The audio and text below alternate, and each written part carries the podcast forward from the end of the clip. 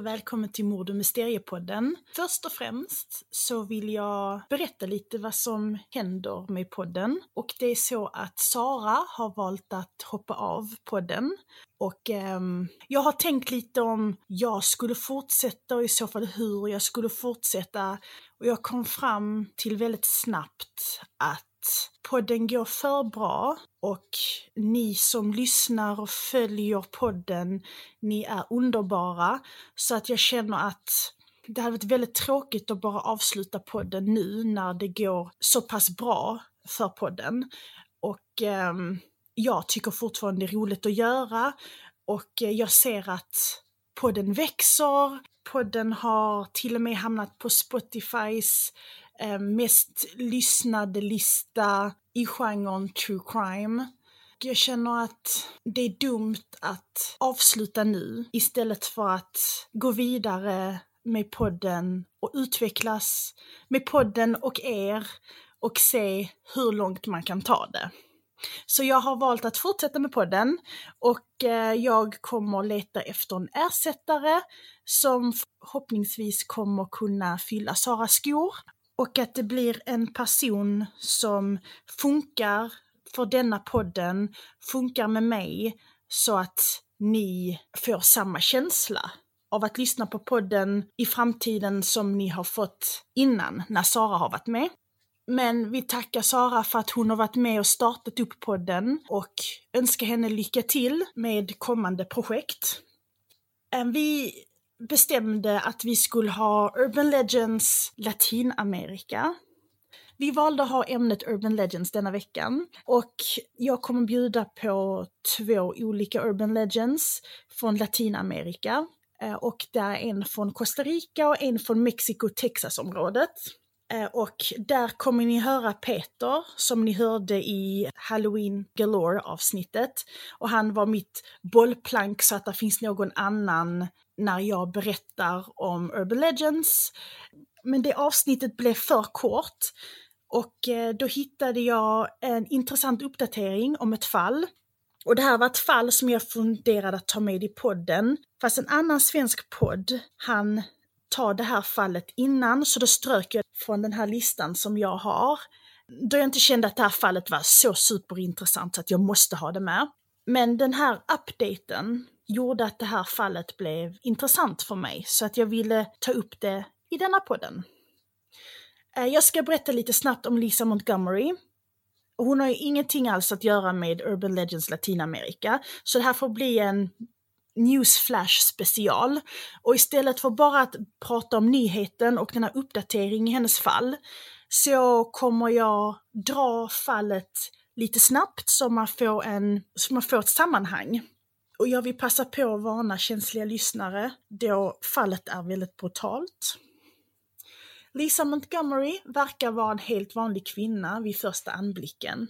Hon är mamma till fyra barn, lever ett vanligt liv i den lilla staden Melbourne, Kansas och har gift om sig med Kevin Montgomery.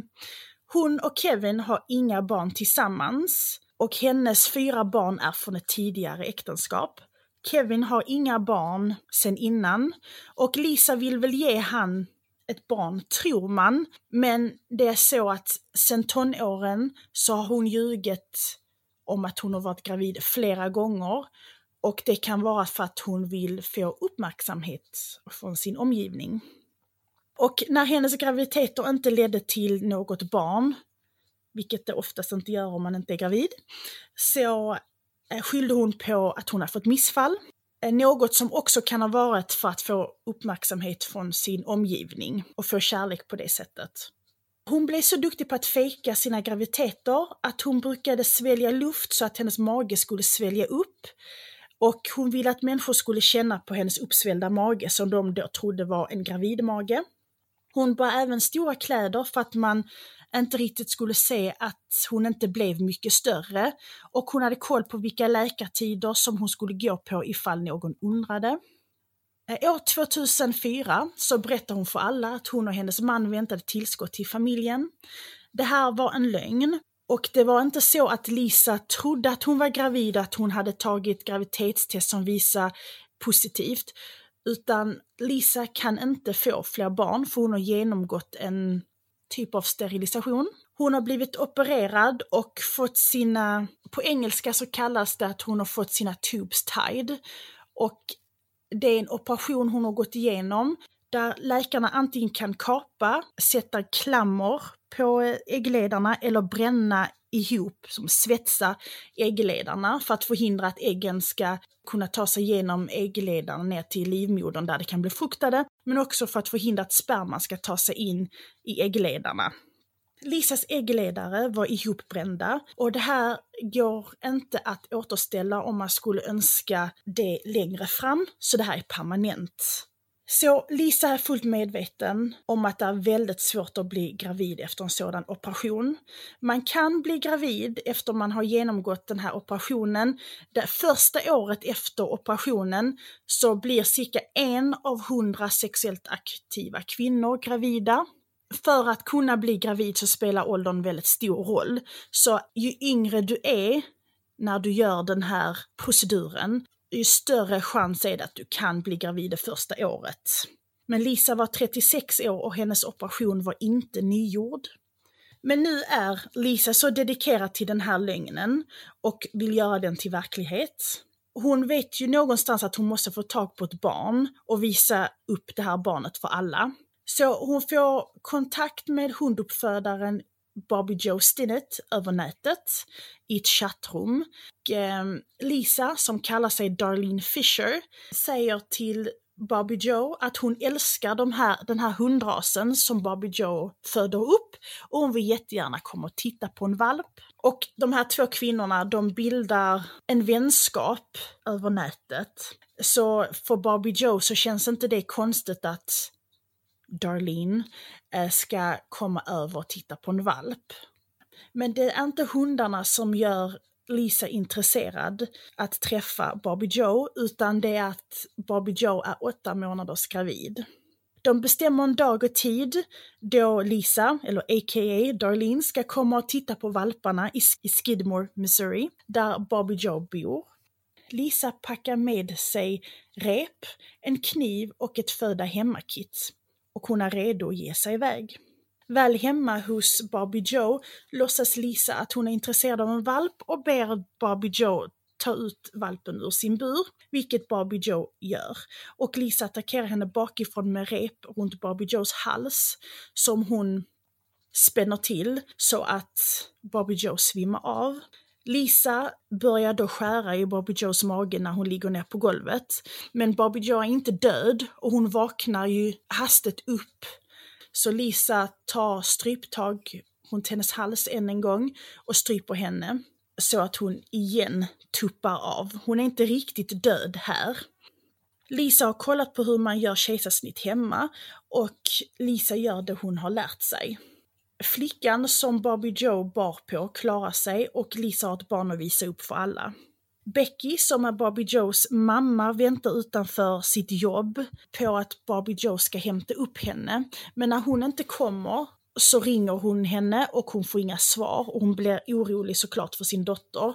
Hon beger sig till huset där hon hittar sin dotter livlös på golvet.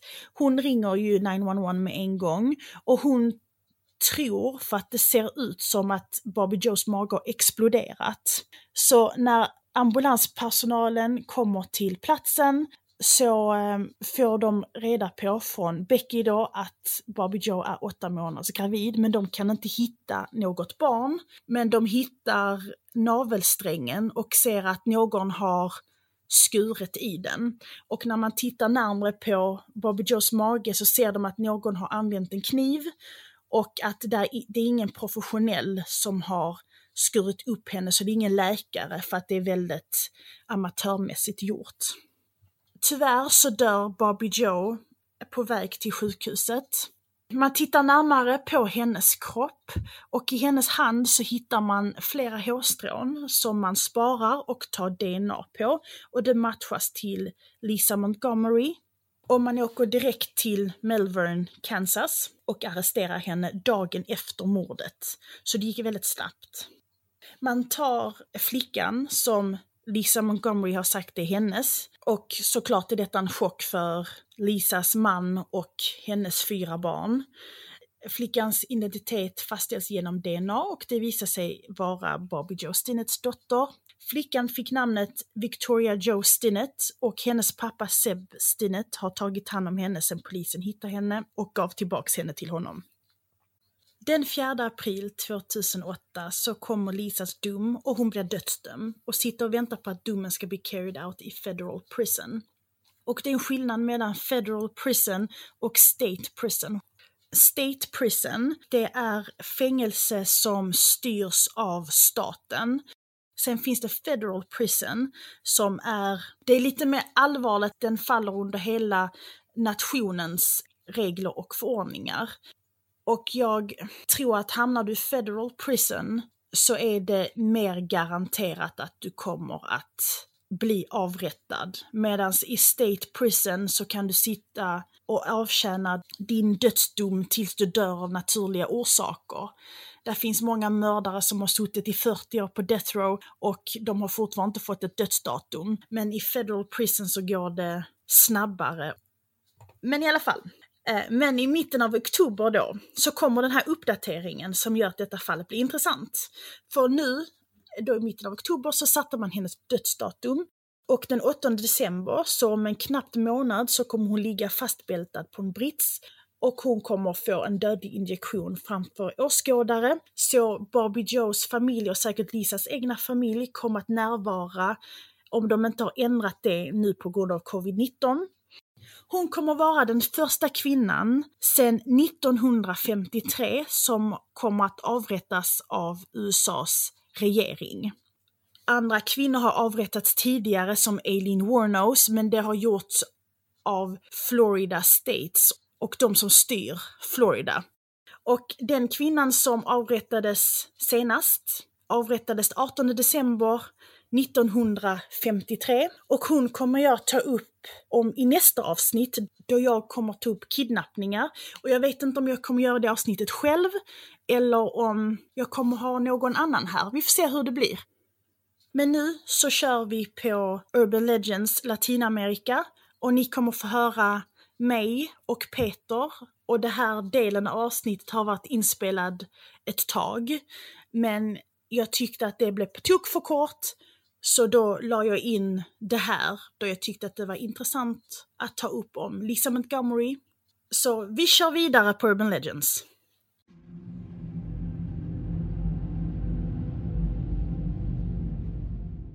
Min första Urban Legend, jag hoppas jag uttalade rätt, heter Lechuza. Och det är en Urban Legend från Mexiko och Texasområdet. Vad är då en Lechuza? Kort och gott så är det en ugglehäxa. Enligt legenden så var det en kvinna som ville ha magiska krafter och för att få detta så var hon tvungen att sälja sin själ till djävulen.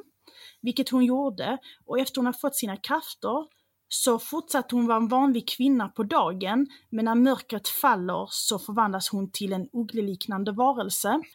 Kroppen på en lechuza blir en ugglas kropp medan huvudet får bli ett människohuvud. Weird, men jag kör. En lechuza flyger runt om nätterna för att leta efter sina mänskliga byten för att mätta sin hunger. Den ska vara så pass stor att den ska kunna bära en fullvuxen man i sina fågelfötter och flyga iväg med bytet. En lechuzas läte är väldigt speciellt och låter som en blandning av någon som visslar och ett barn som gråter. Eh, och hör man detta så är man i fara och en lechuza har en i sitt sikte och man står på menyn. Så om du ser henne så ska du titta bort direkt, för stirrar man på henne så gör man henne ännu argare. Och många tror också att när man hör en lechuzas läte så är det ett dåligt omen att någon i ens närhet kommer att dö. Shit. Så man tittar på henne man bara dör eller? Eller någon i närheten dör? När så tittar du på henne så typ swoop hon ner och tar dig och flyger iväg med dig. Och äter dig. Damn. Okay. Men hör du bara lätet men inte ser henne så kan det vara typ ett tecken att någon i din familj eller nära omgivning kommer att dö. Så om man inte ser henne, men man hör henne, så är någon död? Så kommer någon att dö. Kanske hur ska man undvika det? ha öronproppar då?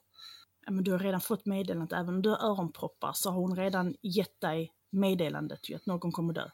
Det sägs också att om en lechuza är riktigt hungrig så är inte ens en bil ett problem om hon vill åt passagerarna eller passageraren i bilen. Eh, Om detta är fallet så dyker hon ner från himlen och knuffar bilen av vägen och sen tar sina byten. Vissa tror att ingen av våra vapen, som skjutvapen eller något annat, kan skada henne. Och sen så är det vissa som säger att skjuter du henne så dör du istället. What? Alltså, det är då magiska kraften då? Men det är det hon bytte till sig av djävulen ju. Hon var en vanlig kvinna först. Ja. Eller de är vanliga kvinnor först. Men så säljer de sin själ till djävulen för att få För fan bli växor. Nej, för att bli häxor. Ja. Så hon blev en halv uggla-häxa. Hon blir en uggla på nätterna. Men Ja. hon är vanlig på dagarna. Många tror att om du är i en lechusas sikte så är det någon i ditt liv som vill dig illa. Där ska finnas en bön där man får reda på vem den verkliga lechusan är som vill skada en. Jag har försökt hitta denna bönen men hittar inte den. Men i den här bönen så ska du nämna en specifik sak du har. Och dagen efter du har sagt den här bönen så kommer det knacka på din dörr. Och personen som knackar på kommer fråga om denna specifika saken. Och då vet du att detta är denna personen som vill mig illa. Som försöker döda dig som en lechuza. Men en fråga. Är den personen är den medveten om att den försöker döda? Mm, Jag kommer till det. För jag, jag har en egen teori. Ah, Okej, Mm. Många som tror på den här urban legend, ofta så har de mexikansk bakgrund och de tror att om du dödar en lechuza så dödar du kvinnan som besitter den här ugglan. Och de tror att kvinnans fysiska kropp ligger i ett komaläge någon annanstans medan hennes själ flyger runt i lechuzan. Så Mm. dödar du den så dödar du henne. Så att om du känner någon som har dött i sömnen, alltså en oförklarlig död i sömnen, så är det för att någon har dödat hennes lechuza. Så det finns fler än en? Ja, det finns fler än en. Det verkar som alla är kvinnor. Och vad frågade du precis? Jag sa att jag hade en teori. Om de som knackar på dörren vet om att de blir döda. Mm. Okej, för att där, om, om, det, om det hade varit sant att de är i en komaläge så är det ju att deras, du vet som en poltergeist, att deras bitterhet och deras elaka tankar manifesterar till någonting ont. Så att de kan astral project medan de sover. Så att deras ondska får en annan entitet. Får ett annat väsen Ja. och kan skada dig genom deras tanke och bitterhet. Min andra, La Segua. Vad är det för något? Är det, är, är det, är det en kvinna också? Okej. Ja. Jag, tror, jag, jag tror jag har hört om den. Jag gillar ju kvinnliga mördare så det är ganska naturligt att jag tar en urban legend som är kvinna. Okej. La Segua är en urban legend från Costa Rica och det är en hondjävul on a mission kan man säga. Hon beskrivs som ett spöke som ser ut som en vacker kvinna med långt hår, vackert ansikte och en förförisk röst. Enligt legenden så sägs det att hon går längs vägarna i Cartago, Costa Rica och väntar på män som är på väg hem till sina fruar efter att de har varit på en av stadens många bordeller. Vad gör hon med dem? Jag kommer till det, hon skrämmer dem. Bara skrämmer? Det sägs att på 1600-talet så var det en kvinna med spanskt och native american blod som blev kär i en spansk officer under hans besök i Kartago. Hon föll för honom och han blev lika kär i henne och han lovade att det skulle gifta sig om hon hade sex med honom. Eh, detta var emot allt som kvinnan hade lärt sig när hon växte upp och det gick emot hennes familjs värderingar och moral. Men hon gav med sig och de hade sex och när han fick vad han ville så åkte han tillbaka till Spanien och hörde aldrig av sig igen. Eh, Detta krossade kvinnans hjärta såklart och inte nog med det så drog hon skam över sin familj och hela hennes stad då spanjorerna förtryckte det i Costa Rica så det ansågs vara fienden. Spanjorerna ansågs vara fienderna i det på Costa Ricas ögon. Aha, okej, okej. Så kvinnan drog på sig en förbannelse och dog. Men förbannelsen gjorde att hennes själ aldrig fick vila och hon blev en demon istället. Den äldre historien om henne är att hon stoppar en man som precis har lämnat en bordell och frågar om han kan ta med henne på hästryggen. Vilket det alltid gör för att ingen man ska kunna motstå hennes röst och söta ansikte när mannen tittar bak på henne, allt det ser är en hästs skalle med en läskig grimas. Uh, ser hon ut som en häst? Ja, när hon har fått en skjuts. Ja. Men eh, idag så är det svårt att hitta någon till hästs. Så i moderna historier om henne så står hon och väntar vid vägkanten och stoppar otrogna män när de kör längs vägen och hon ber dem om lift. När hon väl sitter i deras bil så frågar hon dem om de har eld så hon kan få tända sin cigarett. Och när de vänder sig om för att tända hennes cigarett så möts de av en hästskalle med ögonhålor som lyser röda. Synen av detta gör att männen antingen dör av skräck eller att de ber om förlåtelse och lovar att aldrig vara otrogna igen. Och ibland så visar hon sig även för kvinnor också. Och blir man besökt av henne så är det för att hon ska varna dig att ge upp din så kallade lössläppta livsstil och vara mer moralisk för att hedra din familj och ditt kulturarv. Så de dör inte, men männen dör. Hon dödar ju ingen. De blir i så fall så rädda så att de dör. Eh, Jag hoppas att eh, ni tyckte att det här var intressant även om avsnittet blev kortare än vanligt. Bara för det är kort betyder inte att det är dåligt. I nästa avsnitt så kommer jag ta upp ämnet kidnappningar och jag hoppas att ni hänger med då.